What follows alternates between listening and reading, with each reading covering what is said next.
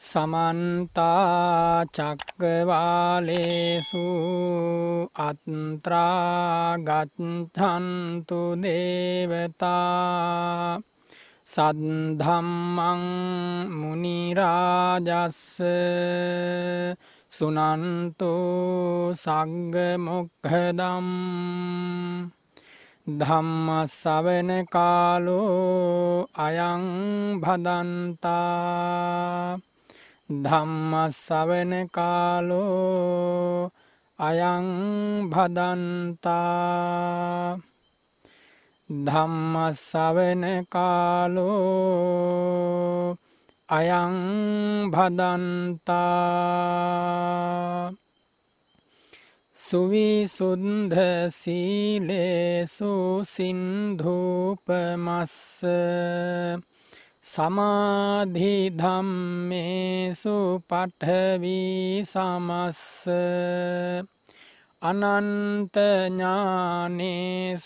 ගගනුපමස්ස නමාමි සිරසා සිරිගෝතමස්ස පිරිසිදු සිල්කන්ද සමුදුරසේමා නිසල සමාධිය මිහිකතසේමා අනන්තඥානය අහසක් සේමා. සිරිපා අභියස පිණිපාවේවා මෝහන්ධකාරේසු සුරියූපමස්ස සංසාරසෝතේසු සේතුපමස්ස දෝසප්පවාහේසු මේඝූපමස්ස නමාමි සිරසා ධම්මාමතස්ස මොහඳුර සිඳලන ලාහිරුසේමා සසරදියඹ මැද පහුරක් සේමා. කෙලෙස් කිලොටු හල වැස්සක් සේමා. සදහම්රුවනට පිණිපාවේවා. පටිපත්ති සාරේසු සම්මාටිතස්ස. උජුභූත මංගේසු යානාගතස්ස කුසලේසු ධම්මේසු කෙත්තෝපමස්ස නමාමි සිරසා සුගතෝරසස්ස පිළිවෙත් සරුවෙයි සුවඳක් සේමා දම්රස දනවයි මිහිරක් සේමා. පින් ගඟ ගලනා නිම්නය සේමා.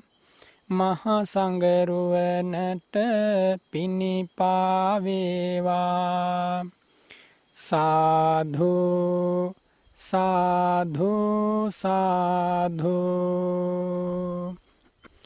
නමුතස්ස භගවතෝ අරහතෝ සම්මා සම්බුද්ධස්ස නමුතස්ස භගවතෝ අරහතෝ සම්මා සම්බුද්ධස්ස නමුතස්ස භගවතෝ අරහතෝ සම්මා සම්බුද්ධස්ස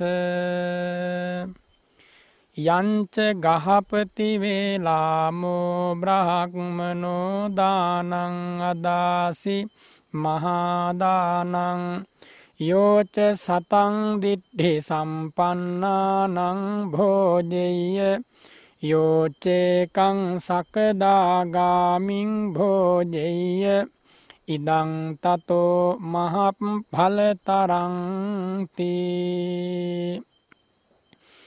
ශ්‍රද්ධාවන්ත පින්වතුනි පොසොන්පුන් පොහෝ දවසේ පොසොන් සඳ උදාවෙන නිමේශයේ අද මේ උතුම් ධර්ම දේශනාව ශ්‍රවණය කරන්නට සිත පහදාගෙන සිටින හැම දෙනාගේම සිත්වලට සහනයක් වේවා කියලා මම පළමු කොට ආශිර්වාද කරනවා.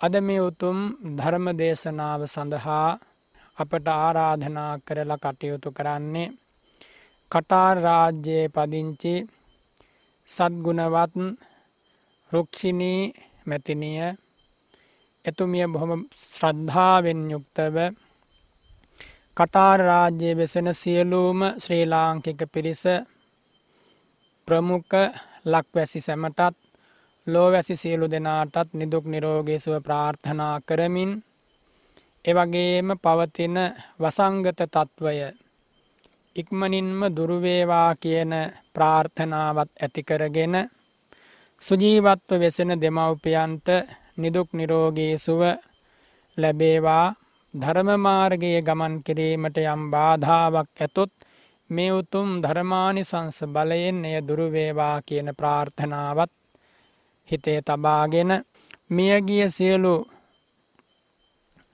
අයට එම නැත්තං ගුරු උපාධ්‍යායන් වහන්සේලාට ඥාතීන්ට රණබිරුවන්ට පින් අනුමෝදං කිරීමේ බලාපොරොත්තුව අප්‍රේල් විසිහත දින මියගිය ලලිතාමාලිනී පෙරේරා උපාසිකා මාතාවට පිම්පෙත් පැමිණවීමේ බලාපොරොත්තුව දේශකයන් වහන්සේට ගුරු උපාධ්‍යායන් වහන්සේට හැදූ වැඩූ දෙමව්පියන්ට නිදුක් නිරෝගී සුව ප්‍රාර්ථනා කිරීම කටහා රාජ්‍යයේ වෙසෙන තරුණ කැල ප්‍රමුඛ සියලූම කලන මිත්‍රයන්ට නිර්වාණාවබෝධය පිණිසම හේතුවේවා කියන.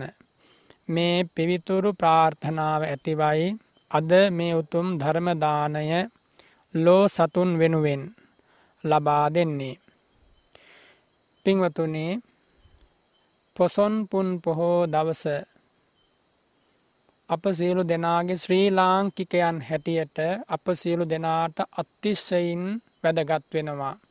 ලෝවාසී සියලු දෙනාට වෙසක්පුන් පොහෝ දවස යම්සේද එසේම ශ්‍රී ලංකාවාසි අප සියලු දෙනාට මේ පොසොන්පුන් පොහෝ දවස අතිශ්‍යයින්ම වැදගත් පුන් පොහෝ දවසක්. ඔබට මට මේ උත්තම ධර්මය ලැබිච්ච දවස. අනුබුදු මහා මිහිදු රහතන් වහන්සේ දඹදිව් තලයේ වේදිසගිරි පර්වතයෙන් අහස් කුසට පැනනැගිලා. ස්වරණ හංසරාජයෝ පිරිසක් වගේ ඉත්තිය උද්දිය සම්බල බද්ධසාල සුමන සාමනේර සහ භණ්ඩුක උපාසක කියන දූත පිරිසත් සමග මිස්සක පව්වේ සිරිපා තැබුවේ අද වන්දවසක මිස්සක පව්වෙන් පායා ආ පොසොන් සඳ මිහිදු මහාරහතන් වහන්සේ. අද පවා ඒ විරාගයේ සුවඳ මිස්සක පව්ව පුරාවට දැනෙනවා. දේවානම් පියතිස්ස මහා රජතුමා තමයි ඔබමා සියලු දෙනා වෙනුවෙන්නේ ධර්ම සන්දේශය දොහොත් මුදුන් තබා පිළිගත්තේ. ඒ උත්තම ධර්ම සන්දේශය බාරගෙන සිංහල ජාතියට මොහොතින් මොහොත අගය වැඩිවන වටිනා නිධානයක් උරුම කරලා දුන්නා. ඒ මේ සුවිසුද්ධ බුද්ධ ශාසනය. අද ලෝකයේ තේරවාදී බෞද්ධ රටවල්. පෙරාපර දෙදිග මේ තේරවාදී ධර්මයෙන් සැනහෙන හැම්ම කෙනෙකුටම මේ ධර්මය ලබා දුන්නේ මේ ශ්‍රී ලංකා ධරණී තලයෙන්. මේ ශ්‍රී ලංකා ධරණී තලයේ ඉපදිලා පැවිදි ජීවිත ගත කරන්නට මුළු ජීවිතයම කැප කරලා පිරිසිදු බ්‍රහ්මචරයා සීලයක් රකිමින් ධර්මය විනය ඉගෙන කයාගෙන උගත් ධර්මය ප්‍රතිපත්තිමය වශයෙන් ජීවිතයට සම්බන්ධ කරගෙන ඒ වගේම ඒ ප්‍රතිපත්ති පිරීම තුළින් ලැබෙන ප්‍රතිවේදය හෙවත් මග ඵල නිවනින් සැනසිලා. එදා මෙදාතුර මහා සංඝරත්නය විසින් අති ආදර ගෞරව බහුමානයෙන් මේ බුදු සසුන සුරක්ෂිත කරනු ලැබුවා. එනිසායි ඔබට මට මේ උතුම් ධර්මය ඇසෙන්නේ. පින්වතුනේ හසරක් නැතිව සිටි සිංහල ජාතියට හසරක් පාදාදුන් මිහිදු මහා රහතන් වහන්සේ ලක් ධරණී තලයේම පිරිනිවන් වැඩියා. පිරිනිවන් වඩින්නට කලින් පට්හමක චේතිය නම් වූ තොහපාරාම මහා සෑ සමිඳු ඉදි කළා. ගෞ්වෙන් ගෞ්ව චෛත්‍යස්ථාන ඉදි කෙරෙව්වා ලක් ධරණී තලයේ. ගෞ්වෙන් ගෞ්ව මහා බෝධීන් වහන්සේගේ සාකහා බෝධීන් වහන්සේලා රෝපණය කෙරෙව්වා. තථාගත සිරිපා පහසින් පාරිශුද්ධ මේ පින්බිම දෙවි මිනිසුන්ගේ පුුණ්්‍ය තීර්ථයක් බවට පත් කළා. මේ පින්බිමේ කෝටි ගණන් රහතන් වහන්සේලා එතැන් පටන් පහළ වුණා. කෝටි ගණන් අනාගාමි උතුමු සකදාගාමී සෝතාපන්න උතුම පහළ වුණා. පින්වතුනි ඒ තරම් වටිනා පින් තොටමුණක් මේ ශ්‍රී ලංකා ධරණී තලය. මේ හැමදේම අපට ලැබුණේ භාග්‍යවතුන් වහන්සේගේ ශ්‍රී සත් ධර්මය අපේ උරුමය බවට පත් කළ මිහිදු මහාරහතන් වහන්සේ නිසා. ධර්මාසෝක අධිරාජ්‍යයා සිදු කරන ලද සුවිසල් ධර්ම ප්‍රචාරයේදී මොග්ගලී පුත්තතිස්ස මහා රහතන් වහන්සේගේ මඟ පෙන්වීම ඇතුව මිහිදු මහා රහතන් වහන්සේ ලංකා ධරණී තලයට වඩින්නේ. තමාගේ මව් ගමට මව් බිමට මව් රටට එනම වගේ. එවිතරක් නෙමෙයි. ධර්මාසෝක රජතුමාගේ දූහිත්‍රූන් වහන්සේ මිහිදු මහාරහතන් වහන්සේගේ නැගනිය අවුරුදු දහටෙන් සසුන් ගත වුණේ. මිහිදු මහාරහතන් වහන්සේ අවුරුදු විස්සෙන් සසුන් ගත වුණේ. ඒ සංඝමිත්තා රහත් උත්තමාවිය මහාබෝධීන් වහන්සේ රැගෙන ලංකා ධරණී තලයට වැඩම කළා. සංඝමිත්තා උත්තමාවියත් පිරිනිවන් වැඩියේ මේ ලංකා ධරණී තලයේ මයි. එය සුවිශේෂී සිදුවීමක්. ඒ මහෝත්තමයෝ ජාත භූමියටවත් යන්න කල්පනා කරේ නෑ. මේ පින්බිම බුදුරජාණන් වහන්සේගේ උරුමයක් බවට පත් කළා. සුද්ධ බුද්ධ වචනය දිගන්තයෙන් ඇහෙන.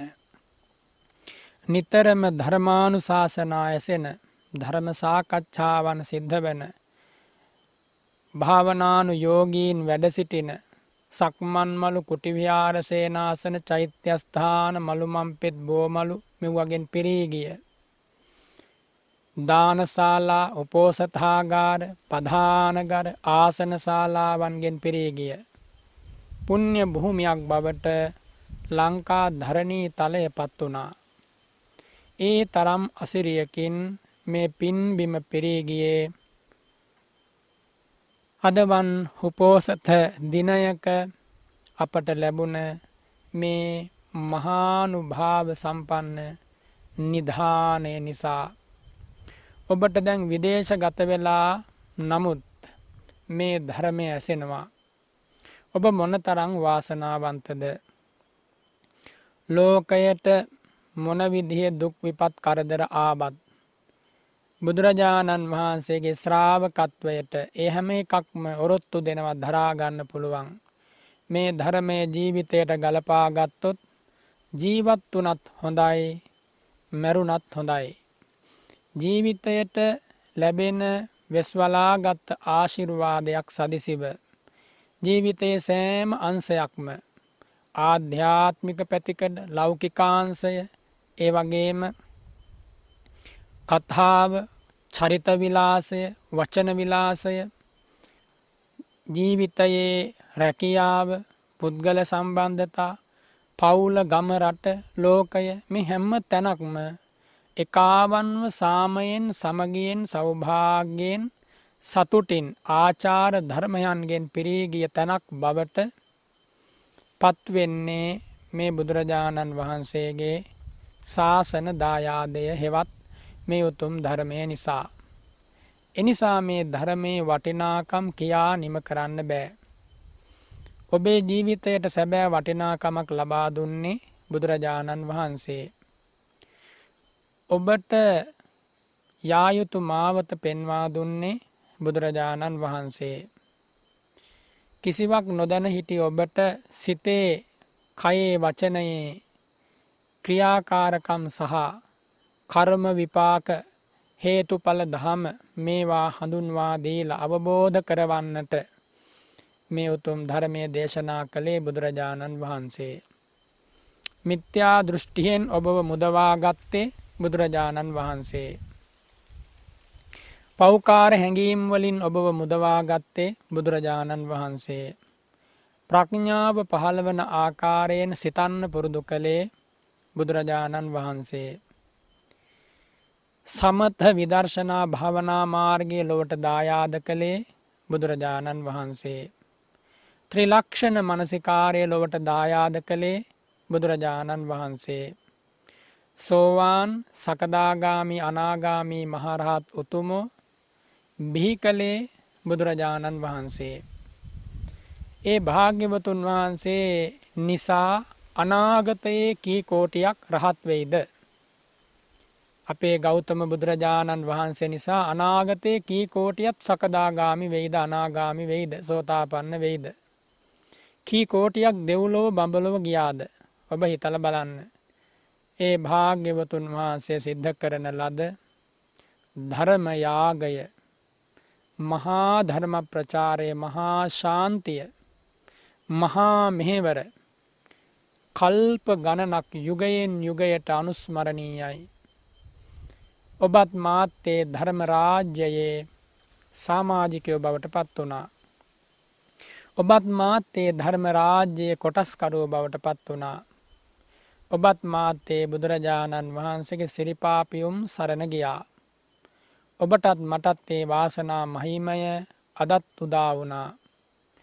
පින්වතුනි ඔබ අප්‍රමාදී වෙන්න බුදුරජාණන් වහන්සේ වැඩම කරපු ශාන්ත සුවදායක මාර්ගයේ ගමන් කරන්න. මොහොතක් නමුත් ප්‍රමාද වෙන්න නරකයි. ප්‍රමාදය දුකට හේතුවක් අප්‍රමාදය සැනසීමට හේතුවක්. අද මේ උතුම් ධර්ම කතාවේදී අප්‍රමාදී වීම වටිනාකම කොච්චරද කියලා ඔබට කියා දෙන්නම්. බුද්ධ ශාසනයක් නැති කාලයක බුදු සසුනක් මුණ නොගැසිච්ච කාලයක මොන දේ කරත් සැබවින්ම පලක් නෑ දානෙ පිළිගන්න කෙනෙක් නෑ හරිහැටි දන් දෙන්න දන්නේ නෑ සිල් රකින්නේ කෙසේද? සීලේ අරමුණ කුමක්ද? කියා දන්නේ නෑ සමාධිය වඩන්නේ කෙසේද සමාධියේ අරමුණ මොකක්ද කියා දන්නේ නෑ ප්‍රඥාව කියන්නේ මොනවා මොකටද ඥාන දර්ශනය කියන්නේ කුමකටද මග්ග ඵල නිවන කියන්නේ මොකටද කියලා ලෝකෙ කවුරුවත් දන්නේ නෑ බුද්ධ ශාසනයක් නැත්නම්. ඔබට මේ හැම දේම දැන් අඩු වැඩි වශයෙන් වැටහෙනවා. ඒ වැටහෙන්නේ වෙන කිසි දෙයක් නිසා නෙමෙයි. ඔබ පෙර බොහෝ පින් රැස් කරලා මේ මනුස්ස ලෝකෙට ආවේ. ඔබ පෙර හොඳට දන් දුන්නා. ඔබ පෙර දෑත දෙබය දිගු කරලා ලෝභ නොවී ඔබ සතු දේවල් දානයට පිනට පූජා කළා. එවගේම ඔබ හොඳට සිල් ආරක්ෂා කළා. දුස්සීල කෙනෙකුට මනුස්සලෝකට එන්න ලැබෙන්නේ නෑ. ඒ වගේම ඔබ ඉතා හොඳින් ගුණධර්ම පිරුවා. තෙරුවන් සරණ ගිහිල්ල පෙරජීවිතවලත් මේ විදිහටම ඔබ ධර්මය පුරුදු කරන්න ඇති. එනිසයි මේ පිවිතුරු ධර්මය පිරිසිදු ධර්මය ඔබට ඇසෙන්නේ. පින්වතුනි එක දවසක් අනාථ පින්ඩික සිටතුමා භාග්‍යවත් බුදුරජාණන් වහන්සේ බැහැදකින්නට අනාථ පින්ඩික සිටතුමා පනස් හතර කෝටියක ධනයක් වියදම් කරලා සකස් කරන ලද දෙව්රම් වනාරණට සුවිශාල පිරිසක් සමඟ ආවා.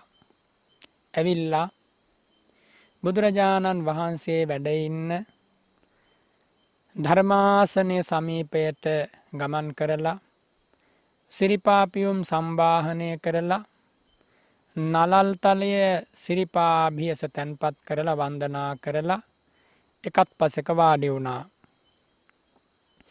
වාඩි වෙලා ඉන්නකොට භාග්‍යවතුන් වහන්සේ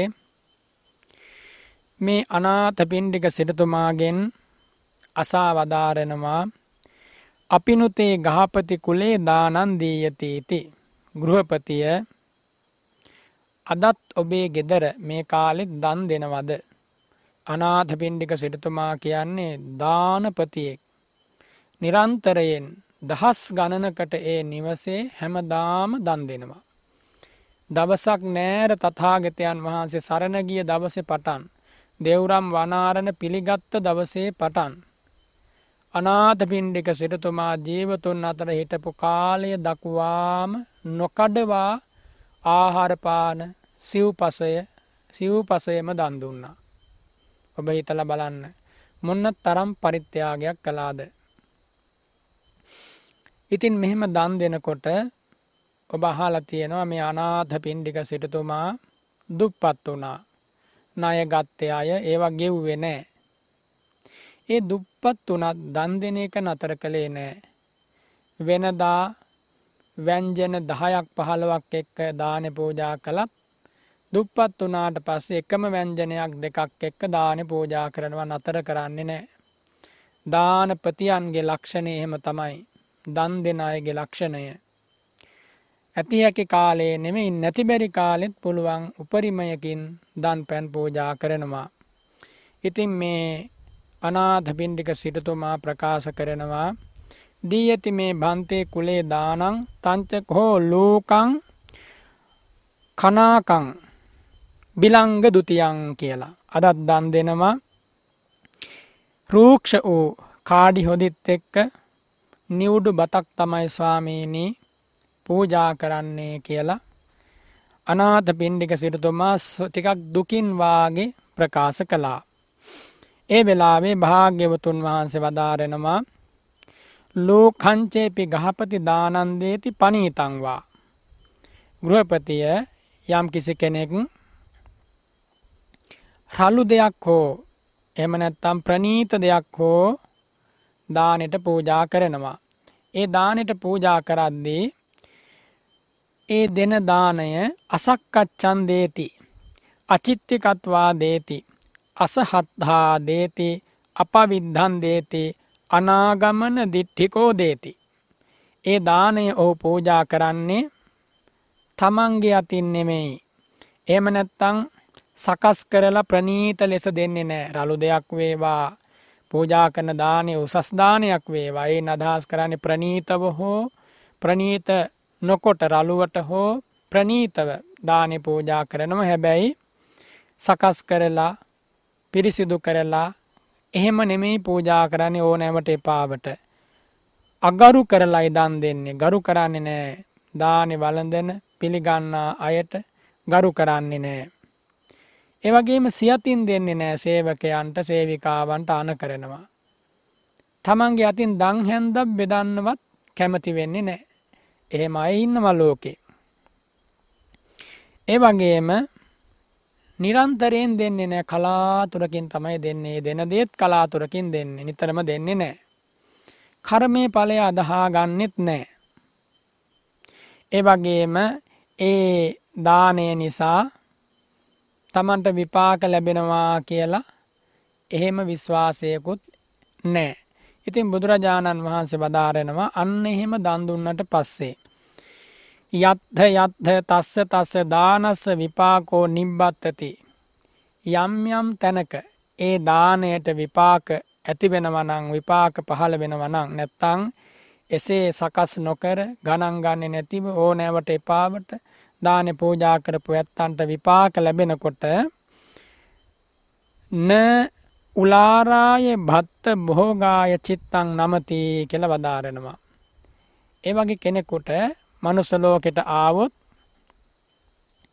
දානේ වළඳන්න එහෙම නැත්නම් භික්ෂුවක් වුණොත් එහෙම නැත්නම් පැවිද්දෙක් ගිහි කෙනෙක් වුණත් ප්‍රනීත ආහාර ලැබුණට පස්සේ ඒවා වළඳන්න හිතෙන්නේ නැහැ. නානග්ග රස සුගන්ධ සාලි භෝජනයේ උපනීතේ චිත්තං න නමති. ප්‍රනීත ආහාර ප්‍රනීත භෝජන ලැබුණට පස්සේ ඒව වළඳන්න හිතෙන්නේ නැහැ. ශරීරයට හොඳ නෑ කියලා හරි ලෙඩ රෝග හැදෙයි කියලා හරි මොනම හේතුවකින් හරි රස නැති නී රස දෙයක් වළඳන්නමයි හිතෙන්නේ. රසවත් දේවල් ප්‍රනීත දේවල් වළඳන්න හිතෙන්නේ නැහැ. ඇයි සකස් කරලා නෙමෙයි දන් දුන්නේ ඕනෑවට එපාවට. හරතේතං රෝග වඩ්ඩනං ඔය ආහාරයෙන් මේ මේ අසවල් අසවල් රෝගය හැදෙන්න පුළුවන් කියලා වළඳන්නේ නැහැ. එහෙම ඇත්තෝ ඉන්නවා. ඉතින් රසට කවදාකවත් වළඳන්න ලැබෙන්නේ නැහැ. දන් දුන්නේ සකස් කරලා නෙමෙයි ගෞරවයෙන් නෙමෙයි ඕනෑවට එපාවට දුන්නා. අන්න විපාකයක හැටි. බුදුරජාණන් වහන්සේ දේශනා කරනවා ඒ වගේ කෙනෙකුට කාසිකාදීසු වරවත්හේසු උපනීතේසු හොඳ හොඳ හොඳ වස්ට ලැබෙනකොට උසස් වස්ත්‍ර ඇඳුම් පැනඳුම් ලැබෙනකොට ඒවා අඳින්න පළඳින්න හිතෙන්නේ නෑ. වැර හැලි කඩමාලු ඇඳගෙන පරණ වස්ත්‍රයක් ඇඳගෙන පරණ පාවහන් දෙකක් පැළඳගෙන එහෙම තමයි ඉන්න හිතෙන්නේ. ලෝකෙ මිනිසු කොච්චරවත් එහෙම ඉන්නවා. ඔය මහා ධනවත්තු ඉන්නවා හරියට කෑමක් බීමක් කන්නේ නෑ. පිළිවෙලකට අඳින්නේ නෑ. රන්ටිදී ආභරණ පළඳින්න හිතෙන්නේ නෑ. අසක්කච්චකාරීව දන්දීපු නිසයි එහෙම වෙන්නේ. දක්කිනේන අගාරවේන දේති කිව්වනේ. දක්කිනෙයි අගාරවේන. දන් පිළිගන්න අයට ගරු කරන්නේ නෑ. නිතරම දෙන්නේ නෑ. වගකීමෙන් බේරෙන්න්න වගේ යාන්තන් දන් දෙන එහෙමයි කොච්චර ලෝක ඉන්නවද. න උලාරේසු පංචසු කාම ගුණේ සූති. ඒ වගේ කෙනෙකුට ලැබෙන කිසි දෙයක් පරිහරණය කරන්න හිතෙන්නේ නෑ. හොඳ හොඳ යානවාහන ලැබුණුත් ඒවා යන්න හිතෙන්නේ නෑ සමහර ඇත්තෝ ඉන්නවානේ. දරුව හොඳට සැපවිඳෙන උසස් වාහනවල යනවා. උසස් ලෙස සැපවිඳන උසස් ආකාරයෙන් වස්ත්‍රාන්දිනවා ආභරණ පලඳිනවා මහේශාක්‍ය ජීවිත ගත කරනවා. නමුත් මුදල් හම්බ කරපු දෙමව්පියෝ පරණම වාහනයක පරණම ඇඳුමක් ඇඳගෙන ඒ අත්තු කල්පනා කරන මේක තමයි සරලකම. මේක තමයි අල්පේච්ච බව ආදී වශයනුත් ඒවට නොයෙක් පුරසාරම් දොඩනවා. නමුත් ඒ අත්තු දන්නේ නෑ පෙර ජීවිතයේ අසක්කච්ච කාරීව ගණන් ගන්නේ නැතිව ඕනෑවට එපාවට දන් දුන්නා දානයට ඵලයක් හැටියට යසේසුරු ලැබුණ ලැබුණට පස්සේ පරිභෝග කරන්න හිතෙන්නේ නැහැ. ඉතින් අර දරුවෝ හොඳට දන් දීලා තියෙනවා සක්කච්ඡාකාරීව දන් දීලා තියෙනවා ගෞරවයෙන් දන් දීලා තියෙනවා. ඒ නිසා ඒ අත්තන්ට ඒවා පරිහරණය කරන්න ලැබෙනවා. ඔය බොහෝ දෙනා කියන අපේ දුවා පුතා කඩේකට ගියත් වටිනාම ඇඳුමක් තමයි ගන්නෙ. එයාට ඕන වටිනාම වස්ත්‍ර වටිනාම ආභරණ වටිනාම වාහන තමයි ඕන. එහෙම කියනවනේ.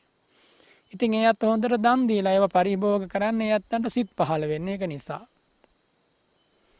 සමහර ඇත්තෝ දන් දීලා නැති නිසා අර පරණ දේවල් ඒ විදිහටම පරිහරණය කරනවා. ඉතින් බුදුරජාණන් වහන්සේ වදාරෙනවා න උලාරේසු පංචසු කාම ගුණේසු උසස් වූ පංචකාම ගුණයන් පරිභෝග කරන්න වළඳන්න. ඒවා පරිභෝග කරන්නට අවස්ථාව ලැබුණත් පරිභෝග කරන්නේ නැතේ කියලා. අලංකට අලංකත පටියත්තා රූපවතියෝ ඉත්තියෝ දිස්වා යක්ගිනියෝ මං්්‍යේ ඒතා කාදිතු කාමාකින් ඒතා හීති යථා භාසුකේනේම වීතිනාමේති. බලන්න සිද්ධ වන දේවල්. බුදුරජාණන් වහන්සේ වදාරෙනවා පංචකාම ගුණයන් කෙනෙකොට ලැබෙන්නේ පෙර කළ පින් නිසා දානාදී කුසලයන්ගේ විපාක නිසානි. නමුත් එහෙම දේවල් ලැබුණට එම දේවල් ලැබුණාට යාට පරිභෝග කරන්න හිතෙන්නේම නෑ. ඒ වගේ උදවිය කොච්චර නම් ලෝකෙ ඉන්නවද. ඒ විතරක් නෙමෙයි සකස් නොකර දන්දීපු අයට තවත් ලැබෙනවා විපාකයක්. න සුස්සූ සන්ති කුමක්ද? තමන්ගේ දරුවෝ. ඒ වගේම තමන්ගේ භාර්යාවරු. ඒ පිස්ස තේහොන්ති පුත්තාතිවා ධාරාතිවා දාසාතිවා පෙස්සාතිවා කම්මකාරාතිවා. තේ පින සුස්සූ සන්තින සෝතං ඕදහන්තින අඥ්ඥා චිත්තං උපට්ට පෙන්ති. තමන්ගේ දරුවෝ තමන් කියන දේ අහන්නේ නෑ. භාරියාව තමන් කියන දේ අහන්නේ නෑ. ස්වාමයා තමන් කියන දේ අහන්නේ නෑ. ගෝලයෝ පිරිස තමන් කියන දේ අහන්නේ නෑ. සේවකයෝ තමන් කියන දේ අහන්නේ නෑ. කියන දේ නෙමෙයි කරන්නේ අකීකරුයි මුරන්්ඩුයි. ඒ හැම දේම සිද්ධ වෙන්නේ තමන් සකස් කරලා දන් නොදීපු එක ආදීනම හැටියට. එනිසා මෙම හොඳට තේරුම් ගන්න බුදුරජාණන් වහන්සේගේ ශාසනය තියෙන කාලෙ පමණයි. මෙහැම කරුණක්ම තේරුම් ගන්න ඔබට අවස්ථාව සැලසෙන්නේ. ඉතින් බුදුරජාණන් වහන්සේ ඒ විදිහට දේශනා කරලා ඉන් අනතුරුව වදාරෙනවා ලූකංචේපි ගහපති දානන්දේති පනීතංවා ගෘහපතිය රලුවට හෝ ප්‍රනීතව හෝ යම් කිසි කෙනෙක් දාන දෙනවයේ දාන සක්කච්චන්දේති බොහෝම ගෞරවයෙන් චිත්තී කත්වා ගරු කරලා හිස නමලා. සහත්හා තමන්ගේ අතින්ම පූජා කරනවා. අනප විද්ධන් දේති. ඒ දානය නිරන්තරයෙන්ම විපාක පහළ වෙනවා කියන සිතින් කරමය ඵලය අදහාගෙන නිරතුරුවම පූජා කරනවා. අන්න එහෙම පූජා කරන කෙනෙකුට ඒ දානයේ ආනිසංස හැටියට බුදුරජාණන් වහන්සේ වදාරෙනවා භවභෝග සම්පත් යසයිසුරු කොච්චර ලැබුණත් ඒව පරිහරණය කරන්න සිත් පහළ වෙන ඔය සමහර ඇත්තෝ ඉන්නේ බොහොම සැපසේ ජීවත් වෙන ලැබෙන දෙයින් උපරිම සැප සතුටක් ලබනවා. ඒගොල්ලෝ දන් දෙනවා, තමනුත් පරිභෝග කරනවා, විනෝද විනෝද වෙනවා පංචශීලයේ බින්දෙන්නේ නැති විදිහට. එහෙම සතුටින් ජීවත් වෙනවා. ඒ හැමදේම මේ ඇත්තන්ට ලැබිලා තියෙන්නේ පෙර කරපු දානය ගෞරවයෙන් කළා. ලෝකෙ සමහර උදවිය ඉන්නවා එන එන තරම් යාන වාහන මිලදී ගන්නවා. ඒ වගේම අලුතෙන් එන වස්ත්‍රාභරණ මිලදී ගන්නවා. කාලෙන් කාලට ගෙවල් දොරවල් තට්ටු ගණන් හදනවා. කිසිම තැනක පැකිලීමක් නෑ මන්දෝත්සාහි බවක් නෑ අඩුවක් නෑ හැමදේම තියෙනවා. ඒ හැම දේ මේ අත්තන්ට ලැබෙනේ අත්තෝ පෙර ජීවිතයේ ගෞරවයෙන් දන් දුන්නා. වෙන කිසි දෙයක් නිසා නෙමෙයි. උලාරේ උලාරේසු පංචසු කාම ගුණේසු භෝගාය චිත්තන් නමති. ඒවගේම පංච කාමයන් උපරිමයෙන් ලබන්නට සිත පහළ වෙනවා. තරුණ වයසට ආවට පස්සේ දැකුම් කළු රූපයන් තියෙන ප්‍රනීත අවයව තියෙන කුමාර කුමාරිකාවන් සරණ පාවා ගන්නවා. එවගේම විදේශ රටවල් වල ඇවිදින්න යමින් සවාරි යමින් ප්‍රනීත ලෙස සැප සම්පත් විඳිනවා. ඒ අතො ධර්මයේ හැසිරෙනවද නැද්ද කියන එක වෙනම කතාවක්. නමුත් ඒ දේවල් ලැබෙන්නේ සකස් කරලා දන් දීපු නිසා වෙන දෙයක් නිසා නෙමෙයි. වෙන කිසිම දෙයක් නිසා නෙමෙයි. ඒ වගේම සමහර ඇත්තෝ ඉන්නවා එක වචනයක් කිව්වට පස්සේ ඒකට කවුරුවත් අභියෝග කරන්නේ නැහැ ඒක පිළිගන්නවා. ඒ වචනය ඕනෑ කමින් පිළිගන්නවා. දරුවොත් දෙමව්පියොත් ඔවුනොවුන්ට බොහෝම ගෞරවයෙන් සමගියෙන් සතුටින්. එකාවන්ව ජීවත් වෙනවා. ස්වාමින් වහන්සේලාටත් මේක බලපානවා. ස්වාමින් වහන්සේලා වුණත් මහා සංඝරත්නය හැටියට සිවුරු පින්ඩ පාත සේනාසන මේ දේවල් උසස්සාකාරයෙන් ලැබෙනවනම් ඒ ලැබෙන්නේ පෙරදන් දීපු නිසා. ඒවල් ලැබෙන්නේ නැත්තං ලැබෙන් නැත්තේ සකස් කරලා දන්දීලා නෑ යාන්තමින්නන් ලැබෙන්නේ සොච්චම් විදිහට නම් ලැබෙන්නේ හරියට දන් පින්කං කරලා නෑ. හැබැයි ස්වාමින් වහන්සේ නමක් වුණාට පස්සේ කොහොම ලැබුණත් සම සිතකින් විඳ ගැනීම හැකියාව තිබිය යුතුයි. භික්‍ෂූන් වහන්සේ කෙනෙකුට ඒ හැකියාව උසස්සාකාරයෙන් තියෙනට ඕන. ලැබීම් නොලැබීම්වලින් චලනය නොවන මනසක් භික්‍ෂූන් වහන්සේ කෙනෙකුට තිබිය යුතුයි. ඉතින් ඒ විදිහට මේ මිනිස් ලෝකයේදී යම් කිසි කෙනෙක් සැප සතුට ලබමින් ජීවත් වෙනවනං ඒට හේතුව තමයි කුමක්ද ඒවන් හේතන් ගාපති හෝති සක්කච්ච කතානං කම්මානං විපාකෝ. සක්කච්චකාරීව ප්‍රඥාවෙන් සල කළ ඕනෑ කමින් පින් දහම් රැස් කලා අන්නේ ආනිසංස හැටියටයි ඒ අත්තන්ට ඒ සැප සම්පත් ලැබෙන්නේ. ඊළඟට බුදුරජාණන් වහන්සේ වදාරෙනවා භූතපුබ්බං ගාපති වේලාමෝ නාම බ්‍රාහ්මණෝ අහෝසි. ගෘහපතිය බොහෝ කාලයකට කලින් වේලාම කියලා බ්‍රහක්මණයෙක් හිටියා. සෝ ඒවරූපන් දානං අදාසි මහාදානං. ඒ වේලාම බ්‍රහක්මණතුමා සුවිශාල දානයක් ලබා දුන්නා.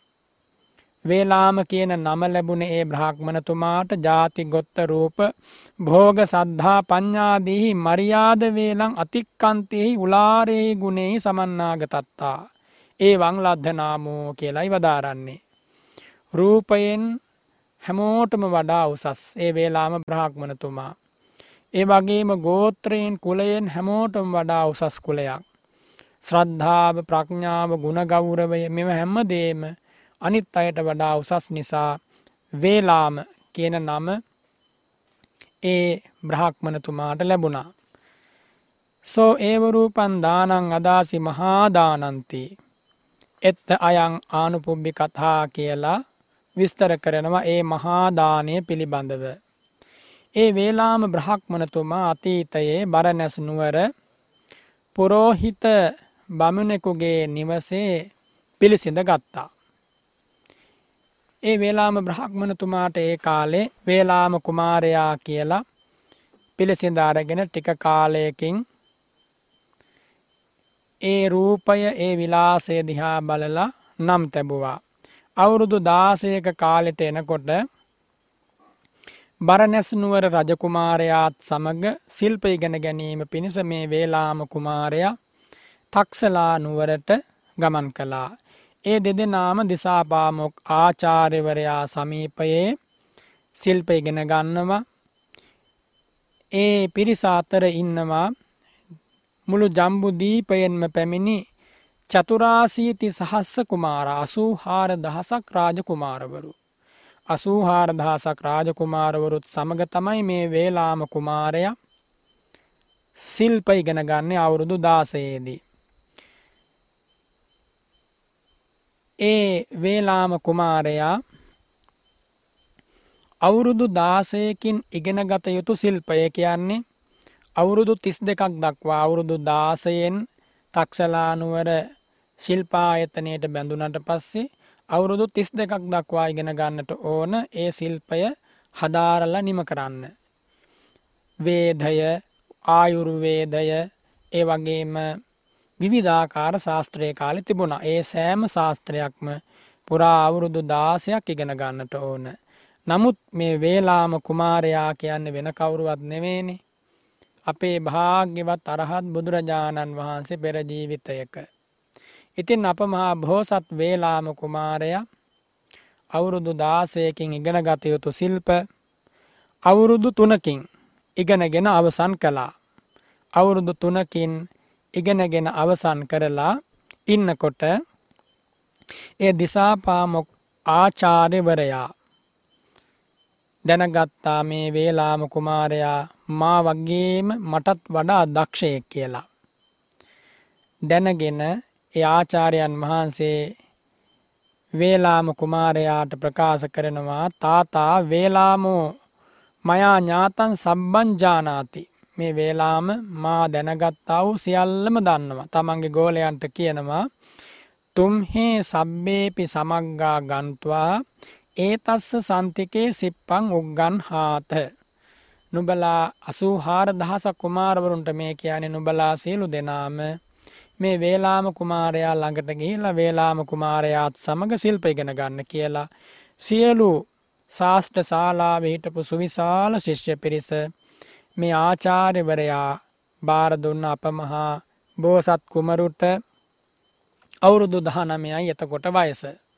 අවුරුදු 19ේදී ඒ සියලු දෙනාම බාර අරගෙන ඉන් අනතුරුව අපේ මහා බෝසත් කුමාරයා ආචාර්යයන් වහන්සේට වන්දනා කරලා අසූහාර දහසක් රාජකුමාරවරු පිරිවරාගෙන තක්සලා නගරයේ නික්මුණා නික්මිලා ඒ රජකුමාරවරු අසූහාර දහසම සමඟ ඒ ඒ රජකුමාරවරුන්ගේ නගරයට යනවා. ගිහිල්ලා ඒ වෙනකොට ඒ අයට සිල්ප හදාරවල නිම කරලා ඒ අසූහාර දෙනාගෙන් එක එක්කෙනා ඔවුනොවුන්ගේ නගරයේ රාජ්‍යයට පත් කරනවා නැත්තං උපරජකමට ඉන් අනතුර රාජ්‍යයට පත් කරන ඔය විදිහට සිල්ප ප්‍රගුණ වූ සියලු දෙනාම ඒ විදිහට ඒ ඒ රාජ්‍යයේ නවත්තමින් දඹදිව් තලයේ පුරාම ගමන් කරලා නගර අසූහාර දහසේ රජකුමාරවරු අසූහාර දහසක් රාජ්‍ය පදවී පිහිටුවලා බරණැස් නගරයේ රජකුමාරයාත් සමග වේලාම බ්‍රහක්මන කුමාරය අපමා බොහොසතාණන් වහන්සේ බරණැස් නුවරට පැමිණුණා. පැමිණිලා ටික දවසක් යනකොට බරණැස් රජතුමාගේ පොත්කුමාරයා රජකමට පත් වුණා. වේලාම අප මහා බෝසත් බ්‍රහක්මන කුමාරයා පුරෝහිත තනතුරට පත් වුණා. දැන් අප මහා බෝසත් පුරෝහිත බ්‍රහක්මනතුමාගේ ශිෂ්‍ය පිරිසක් තමයි මුළු දඹතිව් තලයේම ඉන්න සියලු රාජකුමාරවරු. ඉතින්නේ හැම දෙනාම තම තම රාජ්‍යයේ පිහිටල අවුරුද්දක් පාසා. අනුසංවච්චරං භාරාණසී රං්ඥ උපට්ඨානං ආගච්ඡන්ති අවුරුද්දක් පාසා බරණැස් රජතුමාට තෑගි බෝගාරගෙන වේලාම බ්‍රහක්මණතුමාත් බැලීමේ අපේක්ෂාවෙන් එනවා. ඇවිල්ලා එවේලාම බ්‍රහක්මණතුමා ළඟට ගිහිල්ලා ආචරිය අම්හේ රජ්‍යේසු පතිට්ඨිතා වදෙයාත යේනත්හෝ ඒ රාජකුමාරවරු කියනවා ආචාර්යයන් වහන්ස අපි දැන් සියලු දෙනාම මේ දඹදිව් තලයේ රජවරු. මේ දඹතිව් බොහොමී අපි රජවරු අපට පුළුවන් බොහෝ දේවල් කරන්න. ඔබ වහන්සේට වුවමනා දේවල් තියෙනවනං ඒ හැමදේම අපි සම්පාධනය කල්ලා දෙන්නම් කියලා මේ රජවරු පොරොන්දු වුණා. ඔවුන් ඒ විදිහට බරණැස් නගරයට ඇවිල්ලා නැවත තම තම රාජ්‍යන් බලා යනේන මාවතේ යනේන ගමන් මාර්ගයේ සමහර විට සුවිශාල හමුදාවක් සමග එන නිසා මාර්ගයේ දෙපස තියෙන කඩපිල්වලට මිනිසුන්ගේ ගොවිතැන් ගොවිතැන් කරන ඒ වතුකුඹුරු වලට පවා හානි වෙනවා ගවයෝ නැති වෙනවා. ඒ ආදී වශයෙන් මහා හානින් සිද්ධ වෙන මේ සියලු දෙනාම මිනිස්සු එකතු වෙලා බරණැස් රජතුමාගේ රජමැදුරේ නැත්තම් රජමාලිගාවේ මහා කෝලාහලයක් කරා. ඒ වෙලාවේ වේලාම බ්‍රාහ්මණතුමා හෙවත් අප මහා බෝසතාණන් වහන්සේ කැඳවලා ආචාර්ය උපද්දුතෝ ඥානපදෝ රාජානෝ ගමනාගමන කාලේ මහා විලෝපං කරොන්ති. මනුස්සා සන්ධාරයේ තුන්න සක්කොන්ති ජනපද පීලාය උපසමං ඒකං උපායන් කරෝත කියන ඔන්න ප්‍රකාශ කලාචරයන් වහන්ස මේ අසූහාරදාසක් රජවරු ඒ දිසාවෙන් බරණැසට එනකොට ඒ එන ගමන් මාර්ගයේ දෙපව තියෙන ගම්මානවල මිනිසුන්ට හරිම පීඩාවක් ගොවි තැන්පත් පාලු වෙනවා. ඉතින් මේකට උපායක් කරන්න කියලා අප මහා බෝසත් වේලාම බ්‍රාහ්මණ කුමාරයාට බාර දුන්නා. අප මහා බෝසතාණන් වහන්සේ බරණැස් නගරය හරියට රත චක්‍රයක නාභි මණ්ඩලයේ මැද හිටිනවා වගේ සියලු දැවි නැත්තං ඒ අර නාභි මණ්ඩලයට සම්බන්ධ වෙනවා වගේ මේ හැම රාජ්‍යයකින්ම රජවරුන්ට ඒ දෙසාවෙන් එන්නට අවශ්‍ය කරන මාර්ග හැදුවා. බරණැස් රජතුමාගේ රාජ සීමාව ලකුණු කළා ඒ රාජ සීමාවට ඒ හැම දිසාවකින්ම යා වෙන විදිහට ඒ ඒ රජවරුන්ගේ මාවත් ඒ රජවරුන්ට ගම්මාන හැටියට ලබාදීලා රත චක්‍රයක නාභියට සම්බන්ධ වෙන දැවි වගේ ඔවුන්ගේ රාජ්‍යයන් සම්බන්ධ වෙන්නට සැලස්ව බලන්න ප්‍රඥාවක මහත. අප මහ බෝසතාණන් වහන්සේ අතීතයේ මේ මහා පොළොවෙ කරපු දේවල් අතර එක සිදුවීමක්. ඉතින් මේ විදිහට අප මහා බෝසතාණන් වහන්සේගේ මහා ප්‍රඥාව හරි පුදුමයි. ඉතින් මේ මහා ප්‍රඥාවෙන් ඒ විදිහට කලාට පස්සේ දැන් කාටවත් පීඩාවක් නෑ ඒ රජවරු ඒ දිසාවෙන් ඇවිල්ලා බරණැස් රජතුමාට වේලාමන වේලාම බ්‍රහ්මණතුමාට තෑගි බෝග පිරිනමල අවුරුද්දක් පාසා ඒ විදියට දැන් බොහොම සතුටෙන් සමගියෙන් ජීවත් වෙනවා. ඉතින් එක දවසක් අප වේලාම බ්‍රහ්මණතුමා තමන්ගේ බ්‍රහක්මන මාලිගාවේ තියෙන සත්‍රුවන් ගබඩා විවර කෙරෙව්වා. විවර කරලා බලනකොට සත්මුතු පරම්පරාවක් දක්වා එකතු කොල්ල තියෙන සුවිශාල ධනයක්. රත්තරන් රිදී මුතු මැනික් සත්රුවන් වටිනා දේවල්. ඒ සියලු දේවල් දැකලා මයා සකල ජම්බුදීපං කොහෝ බෙන්තේන දානන් ධාතුන් වට්ටති කියලා හිතුවා මුළු දඹදිව් තලයම ඒක නින්නාද කරලා ප්‍රචාරය කරවල මහා දානයක් දෙන්නට ඕන කියලා හිතුවා එහෙම හිතලා ගංගා තීරයේ ගංගා ගඟ ගලාගෙන යන්නේ බරණැස් නගරයේ මැදින්. ඒ ගංගා තීරයේ යොදුන් දොළහක් දිගට මහා දන් වැටක් දානශාලාවක් පිහිටෙව්වා. දානශාලාවක් පිහිටවල පුදුමාකාර විදියට කිසි දෙයක් අඩු නොවන විදියට ඒ දානය සංවිධානය කළා. බලන්න අප මහා බෝසතාණන් වහන්සේ දන් දීපු හැටි. යොදුනක් කියලා කිව්වහම සැතපුම් දහසයක්. ඒ වගේ ඒවත් දොළහක් කොච්චර දිගට මේ දන් වැට තියෙන්න ඇතිද. ඉතින් එච්චර කාලයක් මේ දන්වැට එච්චර දිගට පිහිටුවලා ඒ සඳහා පුරුෂයන් යොදල සුවිශාල ධනයක් සිබ්බ සියලු ධනය වියදම් කරලා මහාදානයක් ලබා දීලා. අප මහා බෝසත් කුමාරය එක දවසක් මේ දන්වට පරීක්ෂා කරන්නට යන්න සෝදානම් වෙලා රන් කෙන්ඩියේ පැන් පුරවලා ඒ පැන් කෙන්ඩිය අතට අරගෙන කල්පනා කරනවා අධිෂ්ඨාන කරනවා ඉමස්මින් ලෝකේ සචේ ඉමන් දානම් පටික්ගහේතුන් යුත්තරූපා දක්ගිනේය පුද්ගලා අත්හේ ඉදං උදකන් නික්ගමිත්වා පතවින් ගන්හාතු කෙලොන අධිෂ්ඨානයක් කළා. මේ මහා පොළවේ දන් පැන් ලබන්නට සුදුසු එකම කෙනෙක් හරි ඉන්නවනන් සිල්වත් ගුණවත් මගඵල ලාබී. මේ පැන්කෙන්ඩියේ වතුර මේ පැන්කෙන්ඩියේ වතුර බිමට වැටේවා බිමට හැලේවා කියලා අනිත් පැත්ත හැලුවා. එක්කම පැන් පොදක්වත් වැටුනේ නෑ ඇයි වැටුනේ නැත්තේ ඒ දානය බාරගන්න එක්කම කෙනෙක් දඹ දෙව් තලයේ හිටපු නැති නිසා. කව් දෙකම කෙනෙක් කියන්නේ මග පලලාබී තිසරණ ගත කිසිම කෙනෙක් හිටියන සිල්වතයක් හිටියන කොටින්ම. ඉන් අනතුරුව දැන් එහෙනම් බෝපතාණන් වහබ දැනගත්තා ප්‍රතිග්‍රාහකයන්ගේ පැත්තෙන් දාන පිළිගන්න අයගේ පැත්තෙන් මේ දානය පිරිසිදු වන්නේ නෑ මෙච්චර සුවිශාල දානයක්. ඉන් අනතුරුව නැවත අධිෂ්ඨාන කළා නැවත අධිෂ්ඨාන කළා විපිලිසර බවට පත් නොවී බලන්න බෝසත් සිරිතක ආසිරිය. විපිලිසර බවට පත්වෙන්නේ නැතුව හිතින් වැටෙන්නේ නැතිව හිතනවා මේ මහා පොළවේ මම දෙන දානය මගේ පැත්තෙන් පිරිසිදු වෙනවනං දායකස්ස වසේනායන් දක්හිනා විසුද්ජිස්සති උදකන් නික්හමිත්වා පතවින් ගන්හාතු. දායකයාගේ පැත්තෙන් හෙවත් මගේ පැත්තෙන් මේ දානි පිරිසුදු වෙනවනං පල ලැබෙනවනම් මේ ජලය මේ කෙන්ඩියේ ජලය පොළොවට බැසයාවා කියලා අනිත් පැත්ත හැරෙව්වා. හරවනකොටම ඒ ජලය බැසගියයි නනතුරුව සතුටට පත් වෙලා දැන් මම මේ දානය පූජා කරනවා කියලා බෙරකරුවන් හසුරුවල මුළු දඹදිවියෙන් එන එන හැම කෙනාටම දන් දුන්නා. ඒ දන් වැටේ ඉදන්නාම අත්හි ඉදන්නාම නත්හීති වත්තම්බන් නත්ති මේව තියෙනවා මේව නෑ කියලා කාටවත් කියන්න බෑ.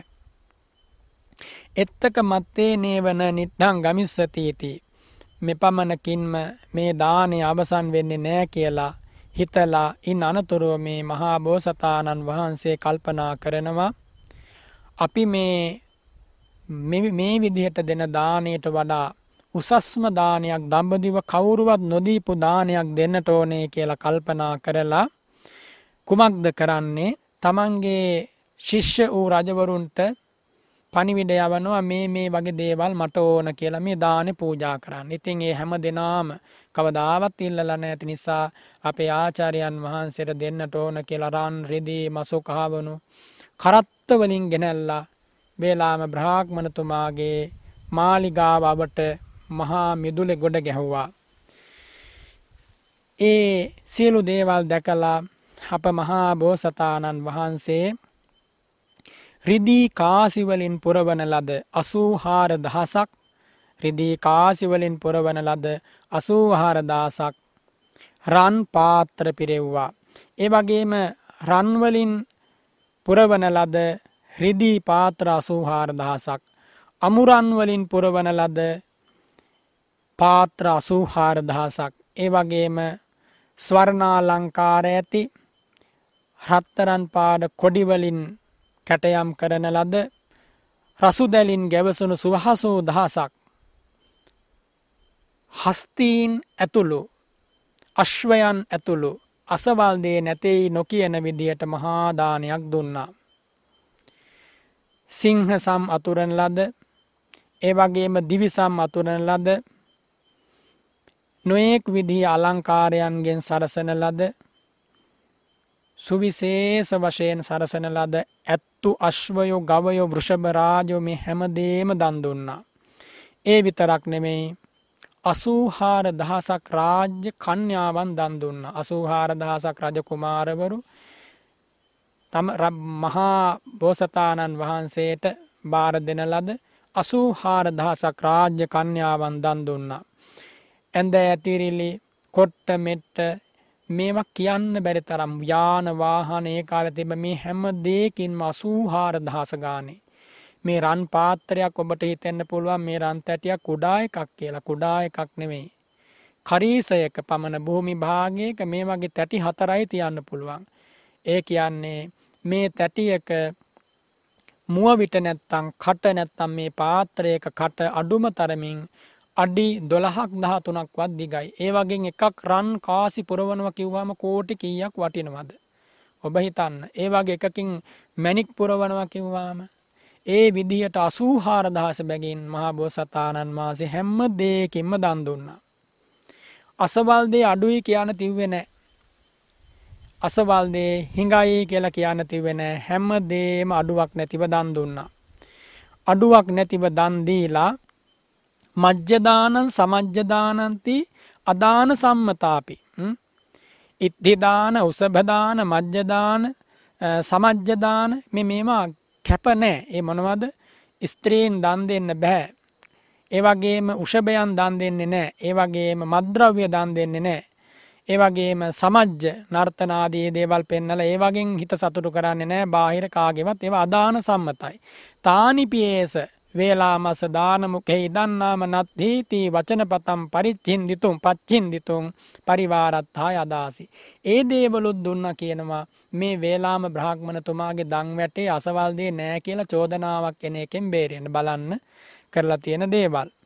නජ්ජෝ මං්ඥේ විස්සන්දන්තීති නදියෝවිය විස්සන්දති. හරියට මහක් ගඟක් වගේ එතකොට හිතන්න කෑම බීම වස්ත්‍ර මේවා දීපු ප්‍රමාණය මෙපමණයි කියල කියන්න බෑ. මෙපමණයි කියලා කියන ඒ තරං අනන්ත ප්‍රමාණ විදියට මහාදානයක් දුන්නා. ඉතින් බුදුරජාණන් වහන්සේ වදාරෙනවා එදා අනාත පින්ඩික සිටතුමාට ගෘහපතිය ඒ දානයේදී ඒ දානයේදි මා නුදුන් දෙයක් නෑ කෝපනවාදෝ අන්නස්ස පානස්ස කජ්ජස්ස බොජ්ජස්ස ලෙයියස්ස පෙයියස්ස නජ්ජෝ මං්ඥේ විස්සන්දන්තේ කෑම බීම රස කැවිලි අනික් දේවල් ගැන කවර කතාද ඔබ හිතල බලන්න ඒ තරමින් සුවිශාල දානයක් පූජා කළා. එහෙම දේශනා කරලා භාග්‍යතුන් වහස වදාරෙනවා ගෘහපතිය සියා කෝපනතේ ගාපති ඒව මස්ස. අඥෝ නූන තේන සමයේන වේලාමෝ බ්‍රහ්මණෝ හෝසි ඔබට හිතෙන්න පුළුවන් ගෘහපති ඒ කාලේ වේලාම බ්‍රහ්මණතුමා ඔය වෙන කවුරු වරි වෙන්න ඇති කියලා. ගෘහපති එහෙම හිතන්න එපා. අහන්තේන සමයේන වේලාමෝ බ්‍රහ්මණෝ අහෝසි අහන්තන් දානං අදාසි මහා දානං ඒ කාලේ වේලාම කියලා හැඳින්නුවේ මමමයි. මම තමයි ඒ කාලේ මේ මහා දානය දුන්නේ. එහෙම දේශනා කරලා වදාරනවා තස්මින් කෝපන ගහපති දානේ න කෝචි දක්හිනෙයෝ අහෝසි. ඒ දානේ දානෙ පිළිගන්න සුදුසු සිල්වතෙක් එක්කෙනෙක්වත් හිටිය නෑ කියෙන එච්චර සුවිශාල දානයක් දීලත්. නතං කෝචි දක් හෙනං විසෝදේසි එකම සිල්වතෙක්වත් ඒ දාන පිළිගත්තේ නෑ සිල්වතුන් හිටිය නෑ බුදු පසේ බුදු මහරහත් මගපලලාබී සංඝරත්නය භික්‍ෂූන් වහන්සේලා තාපසයෙක්වත් හිටිය නෑ ඉර්දිමත් ඒ කාලයේ දාන පිළිගන්න. ඉතින් එහෙම දේශනා කළ බුදුරජාණන් වහන්සේ වදාරෙනවා එච්චර කාලයක් දීපු අවුරුදු ගානක් පූජා කරපු ඒ දානය ඒ දානය ඒ දානය ආනිසංස කොච්චරද කියනවනං යම් කිසි කෙනෙක් මේ බුද්ධ ශාසනය තුළ එක්කම සෝතාපන්න ආර්යන් වහන්සේ කෙනෙකුට යෝචේකන් දිට්ටි සම්පන්නම් භෝජයේ ඉදන් තතෝ මහක් බල තරං කියනවා යම් කිසි කෙනෙක් මේ බුද්ධ ශාසනය තුළ එක්කම සෝතාපන්න කෙනෙකුට දානයක් දෙනවනං එක බත්හැන්දක් පූජා කරනවනං අර වේලාම බ්‍රහ්මණතුමා අවුරුදු ගානක් දීපු අර සුවිශාල දානට වඩානි සංසය කිය ඔබ හිතල බලන්න එක බත්හැන්දක් පූජා කිරීම. යංච ගහපති වේලාමෝ බ්‍රාහ්මනෝ දානං අදාසි මහාදානං යෝච සතන් දිට්ටි සම්පානානම් භෝජෙය යෝචේකන් සකදාගාමින් භෝජය ඉදන් තතෝ මහප්පල තරං. ඒ වගේම තමයි එදා වේලාම බ්‍රහ්මණතුමා දීපු දානයට වඩා සෝතාපන්න කාරයන් වහන්සේ කෙනෙකුට දෙන දානය අග්‍රයි මහත් පලයි මහනිසංසයි සෝතාපන්න අය සිය දෙනෙකුට දන් දෙනවට වඩා එක සකදාගාමී කෙනෙකුට දෙන දානය මහත් පලයි මහනිසංසයි. බුදුරජාණන් වහන්සේ වදාරෙනවා සකදාගාමීන් සිය දෙනෙකුට දෙන දානයට වඩා එක අනාගාමි උතුමන් වහන්සේ කෙනෙකුට දෙන දානය මහත් පලයි මහානිසංසයි. එක අනාගාමී කෙනෙකුට දෙන දානයට වඩා අනාගාමීන් වහන්සේලා සියකට දෙන දානයට වඩා එක රහතන් වහන්සේ නමකට දෙන දානය මහත් පලයි මහානිසංසයි. රහතන් වහන්සේලා සියකට දෙන දානයට වඩා එක පසේ බුදුරජාණන් වහන්සේ නමකට දෙන දානය මහත් පලයි මහානිසංසයි. පසේ බුදුරජාණන් වහන්සේලා සිය දෙනෙකුට දෙන දානට වඩා භාග්‍යවත් බුදුරජාණන් වහන්සේට පූජා කරන දානය මහත් පලයි මහානිසංසයි. ඊටත් වඩා මහානිසංසයි යම් කිසි කෙනෙක් බුදුන් ප්‍රමුඛ භික්ෂු සංඝයාට දානයක් දෙනවනම්. බුදුන් ප්‍රමුඛ භික්ෂු සංඝයාටම දානයක් දෙනවනම් ඒක මහත් පලයි මහානිසංසයි. ඊටත් වඩා මහත් පලයි මහානිසංසයි සතර දිසාවෙන් එන සංඝරත්නය මේ සේනාසනය මේ කුටිය පරිහරණය කරාවා කියලා කුටි සේනාසනයක් හදල පූජා කරන එක බලන්න බුදුරජාණන් වහන්සේ අපට පින ගැන කියලා දීපු හැටි. ඒ වගේම යම් කිසි කෙනෙක් පැහැදුනා වූ සිතින් මම බුදුරජාණන් වහන්සේ සරණ යනවා ධර්මය සරණ යනවා සංගරත්නය සරණ යනවා කියල සරණ යනවනම්. අන්නේ සරනාගමනය අර කුටි සේනාසනයක් අදල පූජ කනට වඩා මහත් පලයි මහනිසංසයි. යම් කිසි කෙනෙක් පැහැදුනා වූ සිතින් පංචසීලය සමාදම් වෙනවනං ඊටත් වඩා මහත් පලයි මහනිසංසයි. ඊටත් වඩා මහත් පලයි මහනිසංසයි යම් කිසි කෙනෙක් අන්තමසෝ ගන්ධූ ගන්දූහන මත්තම්පි මෙත්තන් චිත්තම් භාවෙය මලක් සිඹින සුවඳක් සිඹින වෙලාවක් පිතා කුඩා මොහොතක් මෙත්සිත වඩනවනං ඒ සියල්ලටම වඩා මහනිසංසයි. ඒ සියල්ලටමත් වඩා වඩා මහනිසංස වෙනවා බුදුරජාණන් වහන්සේ වදාරෙනවා. යෝච අච්චරා සංඝාත මත්තම්පි අනිත්‍ය සංඥම් භාවේය ඉදන් තතෝ මහප්ඵල තරං. යම් කිසි කෙනෙක් ඉතා කුඩා අසුරක් ගසන මොහොතක් අනිත්‍ය සංඥාව වඩනවනං. නාම ධර්ම රූප ධර්ම අනිත්‍යයි දුකයි අනාත්මයි කළ හිතනවනං ඔය ඔක්කොටම වඩා මහානිසංසයි මහත් පලයි කියලා මේ දේශනාව නිමකොට වදාලා. මේ මම ඉතා සංක්ෂිප්ත වශයෙන් ඔබට දේශනා කළේ මේ පිනක සහ ඔබ ලැබූ මිනිස්කමේ වටිනාකම. ඔබට තියෙන මේ උත්තම ලාභයේ වටිනාකම ඔබට කියා දෙන්න. ඔබ හිතන්න තෙරුවන් සරණ යාම කොච්චර නම් මානිසම්පදායකද කුටිසේනාසනයක් හදලා පූජා කරනවට වඩා නිසංසයි කිව්වා. ඒ තිසරණය තිසරණ ගමනය සෝවාන් ආරි ශ්‍රාවකෙකුගේ තිසරණ ගමනය. එවගේ මේ පංචසීල සමාධානයත් සෝවාන් ආරි ශ්‍රාවකෙකුගේ සීලය ගැනයි දේශනා කරන්නේ. ඒ මෙත්සිත වැඩීමත් දේශනා කරන්නේ දිහාන වශයෙන් මෙත්සිත වැඩීම මෛත්‍රී දිහාන උපදවාගෙන මෙත්සිත වැඩීම. ඒ වගේම ඒ අනිත්‍ය ලක්ෂණය මෙනෙහි කිරීම වදාරන්නේ මාර්ගඵල ප්‍රතිලාභයට මෙපිටින් තව නොබෝ වෙලාවගින් මගඵල ලැබීම පිණිස හේතු වන විපස්සනා වැඩීම් වසයෙන් වඩන අනිත්‍ය සංඥාව. ඉතින් මේ විදියට මේ උත්තම හැසිරීම් මේ ශාසනයේ මහත් පලයි මහනිසංසයි. ඔබට පුළුවන් මේ මට්ටමින් නොවනත් ඔබට බුදුරජාණන් වහන්සේ සරණ ගිහිල්ල පිරිසිදු සීලයක පිහිටලා මෙත්සිත අනිත්‍ය සංඥාව ඕනෑම මොහොත්තක මේ රටේ වේවා පිට රටක වේවා කොයි රටක වේවා කොතනකදගෙන වනත් මේ දේ ඔබට කරන්න පුළුවන්. එනිසා ඔබ අප්‍රමාදී වෙන්න මේ වගේ කාලයක හොඳට මෙත්සිත වඩන්න. අනිත්‍ය සංඥාව නිරන්තරයෙන් පුරුදු කරන්න. රූපය පිළිබඳව අනිත්‍ය සංඥාව හොඳට වඩන්න රූපය කියන්නේ කුඩා කාලෙ තිබ්බ රූපය නෙමෙයි දැන් අපි කාගෙත් තියෙන්නේ රූපෙ මහා පුදුම විදියට ජරා ජීර්ණ වෙලා අනිත්‍ය බවට පත් වෙලා කළු කේසයෝ සුදු වෙලා හමරැලි වැටිලා නොයෙක් විදිය විපරීත භාවයන් ඇති වෙලා. මේ අපි හැමෝටම පේන දෙයක් මේ පෙනෙන තැනින් ඔබ වැඩේ පටන් ගන්න මේ ධර්මය පුරුදු කිරීමේ. එනිසා අනිත්‍ය සංඥාව හොඳට වඩන්න. ඒත් සමගම දුක්ඛ සංඥාවත් වඩන්න එය වැඩෙනවා අනිත්‍ය සංඥාව වඩනකොට. අනිත්‍ය සංඥාව දුක්ඛ සංඥාව වඩනකොට තේරෙනවා මේවා මගේ වසඟේ පවත්වන්න පුළුවන් ධර්මතා නෙමෙයි අනාත්මයි. ජීවිතය ඇතුළේ ජීවිතයෙන් ජීවිතයට සංසරණය කරන 아무තු දෙයක් නෑ මේ අනාත්මයි කියලා වැටහෙනවා. ඉතින් මෙන්න මේ අනිත්‍ය දුක්ඛ අනාත්ම කියන ත්‍රිලක්ෂණය නිරන්තරයෙන් පුරුදු කරන්න මේ පොසොන් උදාවේදී මිහිඳු මහ රහතන් වහන්සේ ලබා දුන් උත්තම දායාදය සිහි කරන මොහොතේදී හැම කෙනෙක්ම අදිෂ්ඨාන කරගන්න. ඒ සඳහා සියලු දෙනාට අද මේ උපෝසත දවස පොසොන් පුන් පොහෝ දවස ඒකාන්තයෙන් ආශිර්වාදයක් වේවා කියලා මම සියලු දෙනාටම ආශිර්වාද කරනවා. හැම කෙනෙක්ම අද මේ ඇසූ බණපදය ජීවිතයට ගලපා ගන්න. නුදුන් දානයන් දී ගන්න බලන්න. නොකල පින්කම් කරගන්න බලන්න. කිසි කෙනෙක් පසුතැවෙන්න එපා මේ ලැබිච්ච ජීවිතය ගැන සතුටින් ඉන්න. මොන වදුරු වසංගතය ලෝකෙට ආවත් ඔබ තනි වෙලා නෑ ඔබට බුදු සරණ තියෙනවා. එදා වේලාම බ්‍රහ්මණතුමාට නොතිබිච්ච මහා පිහිටක්යේ වේලාම බ්‍රහ්මණතුමා මෙදා ලෝතුරා බුද්ධ රාජ්‍යයට පත් වෙලා. ඔබට සලසා දුන්න ඔබට මහා සංගරත්නය දකින්න ඉන්නවා. ඔබට මේ මොහොතේ පවා කසාවතක් දරාගෙන ඉන්න මහා සංගරත්නය ස්වාමින් වහන්සේ පේනවා මොන තරම් ලාභයක්ද. එදා වේලාම බ්‍රහ්මණතුමාට කසාවතක් අවුරුදු ගානකින් දකින්න තිබුණෙ නෑ. එනිසා ඔබ සැබවින්ම පින්වන්තයි ඔබට පුළුවන් මේ ජීවිතේ මොන්න තරන් දන් දෙන්න පුළුවන්ද. ඔබ දිලින් දෙක් වෙලා දුගී දුප්පත් වෙලා අන්ත අසරණුනත් කමක් නෑ සියලු දේවල් පුළුවන්නන් දන් දෙන්න. බ්‍රහ්මචාරී සීලයක් පුළුවන්නන් ආරක්ෂා කරන්න ඔය හැම දේම කරන්න තියෙන තව දින කිහිපයයි වැඩි කාලයක් නෑ. එනිසා රැස්කරපු කිසි දෙයක් අරං යන්නේ නෑ.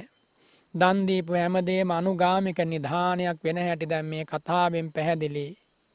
එනිසා සිල් රකින්න දන් දෙන්න ගුණපුරන්න මසුරු මල දුරහැරදාන්න විදර්ශනාවටම හිත යොමු කරන්න. ත්‍රිලක්ෂණයම වඩන්න. පියවි සිහියෙන් ඉන්න හැම මොහොතකම අනිත්‍ය සංඥාව හිත තබාගන්න. එකම කෙස් ගහක් අරගෙන මේ අනිත්‍යයි කළ මෙනෙහි කරන්න එක ඇසක් මුල් කරගෙන මේ අනිත්‍යයි කළ මෙනෙහි කරන්න කන අරමුණු කරගෙන අනිත්‍යයි කළ මෙනෙහි කරන්න. රූපය අරමුණු කරගෙන අනිත්‍යයි කළ මෙනෙහි කරන්න රූපය කොටස් වසයෙන් බලන්න පටව්‍යාපෝ තේජෝවාදි වශයෙන්. එහෙම බලල එකක් පාසා අනිත්‍ය සංඥාව වඩන්න. සිතක් පාසා අනිත්‍ය සංඥාව වඩන්න කුසල් පිතත් අනිත්‍යය අකුසල් පිතත් අනිත්‍යයි විපාක සිතත් අනිත්‍යයි ක්‍රියා සිතත් අනිත්‍යයි. චෛතසයකයක් පාසා ලෝබදේශ මෝහ අලෝබදේ සමෝහ අකුසල මූලයන් පවා අනිත්‍යයි කළ මෙනෙහි කරන්න. කුසල චෛතසික අකුසල චෛතසික දෙපනසක් වූ සියලු චෛතසික උත්පාදයෝ අනිත්‍යයි කළ මෙනෙහි කරන්න. ස්කන්ධ පංචකය අනිත්‍යයි කළ මෙනෙහි කරන්න ආයතන දොළහානිත්‍යයි කළ මෙනෙහි කරන්න. ධාතු දහට අනිත්‍යයි කළ මෙනෙහි කරන්න. එම මෙනෙහි කරමින් ඔබ අනිත්‍ය සංඥාව හොඳට ප්‍රගුණ කරන්න.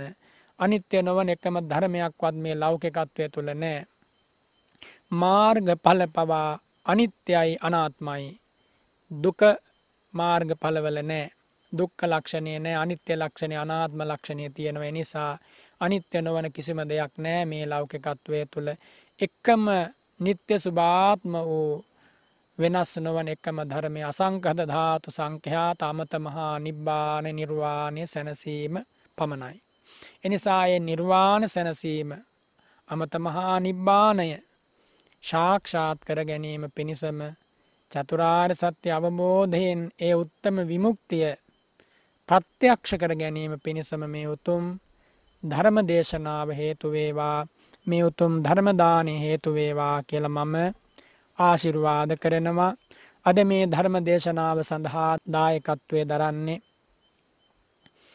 ඒ සත්ගුණවත් රුක්ෂිණී මැතිනිය බොහොම ශ්‍රද්ධාවෙන් කටාරාජ්‍යය ඉඳං බෝ සත්පුරුස පිරිසක් පිරිවරාගෙනයි මේ පින්කම සිද්ධ කරන්න. ශ්‍රී ලංකාවේ ඉපදිලා ශ්‍රී ලංකාවේ හැදිලා වැඩිලා ඒ පිටරට ගිහිල්ල රැකිරක්ෂා කරන කටාරාජ්‍යය වෙසෙන සියලු දෙනාටමත් ලක්වැසි ලෝ වැසි සියලු දෙනාටමත් මේ වසංගත තත්ත්වයෙන් මිදෙන්න්නට මේ ධර්මානි සංසය දේශනාමය ශ්‍රවණ මේ ආනිසංසය ධර්මදානමය ආනිසංසය හේතුවේවා කෙළ අය බලාපොරොත්තු වෙනවා.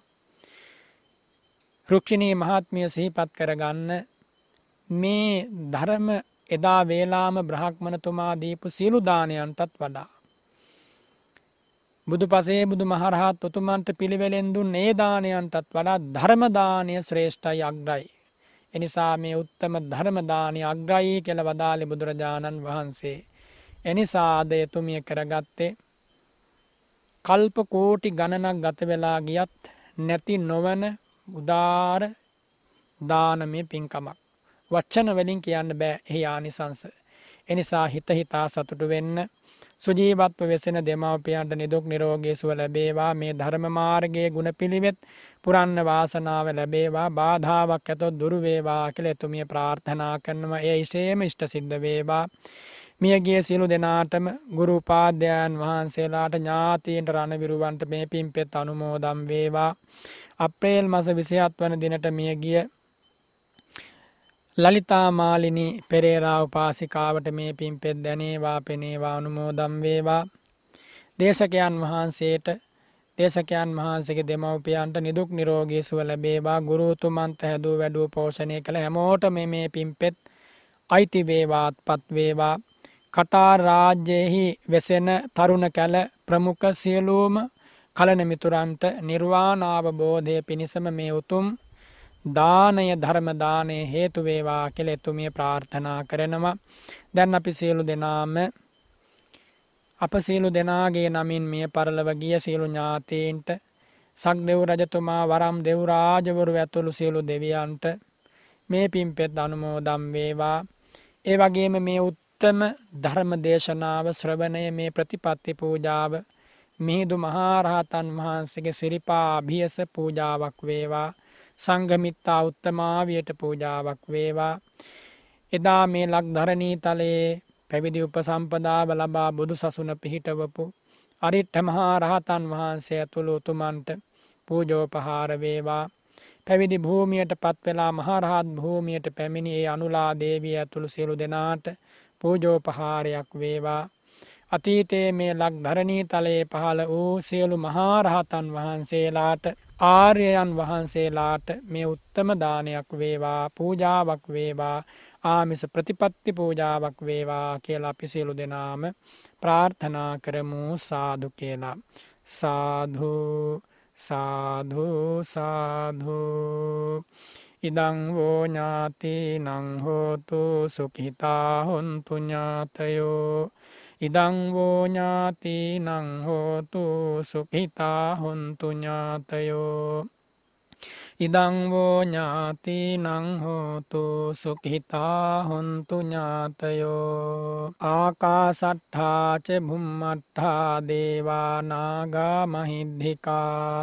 හෝතු සුඛිතා හොන්තු ඥාතයෝ ආකාසට්ඨා ච භුම්මට්ඨා දේවා නාග මහිද්దికා පුඤ්ඤන්තං අනුමෝදිත්වා චිරං රක්ඛන්තු සම්බුද්ධ ශාසනං චිරං රක්ඛන්තු සම්බුද්ධ දේශනං චිරං රක්ඛන්තු සම්බුද්ධ ශාවකන්ති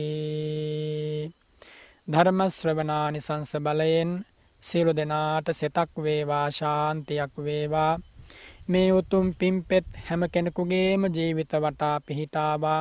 සිත පහදවාගෙන මේ උතුම් බුදු ඔව දන්න ඇසූ හැම කෙනෙකුගේම හදවත සුවපත් වේවා. මෙලොවදීම මේ උතුම් චතුරාර්ය සත්‍ය අවබෝධ කරගන්න වාසනා මහිමේ පෑදේවා. අනිත්‍ය ලක්ෂණය ඔය සිත්වල වැඩේවා. දුක්ඛ ලක්ෂණය වැඩේවා. අනාත්ම ලක්ෂණය වැඩේවා. අසුභ ලක්ෂණය වැඩේවා.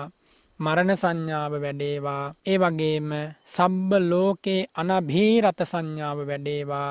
සබ්බ සංඛාරේසු අනිත්‍ය සංඥාව වැඩේවා. මේ හැමාකාරයකින්ම සිත පිරිසුදු කරගෙන කායත් වචීත් මනෝත් කියන ద్వාරයන් සංසිඳුවාගෙන කුසල් දහම්හි කෙල පැමිණිලා මේ බුදු සසන තුලදීම තථාගත ශ්‍රී නාමයට පූජෝපහාර කරමින් ප්‍රතිපත්තිමය වශයෙන් භව දුකින් අත මිදෙන මොහොත දක්වාම කරදරයක් බාධාවක් නැතුව යාගන්න. මේ උත්තම ධර්ම පරිස්කාරයෝ ඔබ සියලු දෙනාට ආශිර්වාදයක් වේවා කියලා මම ආශිර්වාද කරනවා සෙත් පතනවා. මේ පොසොන් දිනයේ හැම කෙනෙකුගේම හදවත නිවේවා පහන් වේවා. මෙත් සිසිලෙන් පිරේයේවා. පොසොන් සඳින් හලාහල ඒ මිහිරි සිසිල් සඳ කිරණින් ගහකොල භූතලය සිසිල් වෙනවා වගේ මිහිදු මහරහතන් වහන්සේගේ පාරිශුද්ධ මුව මඩලින් වදාළ දහම් බණ පදයෙන් ඔබේ හදවත් සුවපත් වේවා කියලා ප්‍රාර්ථනා කරනවා. අභිවාදන සීලිස්ස නිච්චං වද්ධා පචායිනෝ චත්තාරෝ ධම්මා වඩ්ඩන්ති ආයුවන්නෝ සුඛං බලං ආයුවාරෝග්‍ය සම්පත්ති සග්ග සම්පත්ති මේවච අතෝ නිබ්බාන සම්පත්ති ඉමිනාතේ සමිජ්ජතු ඉත්හිතං පත්හිතං තුයිහං කිප්පමේව සමිජ්ජතු සම්බේ පූරෙන්තු චිත්ත සංකප්පා චන්දෝපන්න රසී අත්හා සියලු දෙනාටම තෙරුවන්ගේ අනන්ත ගුණ බලයෙන් සියලු සැනසීම ලැබේවා කියල මම ප්‍රාර්ථනා කරනවා.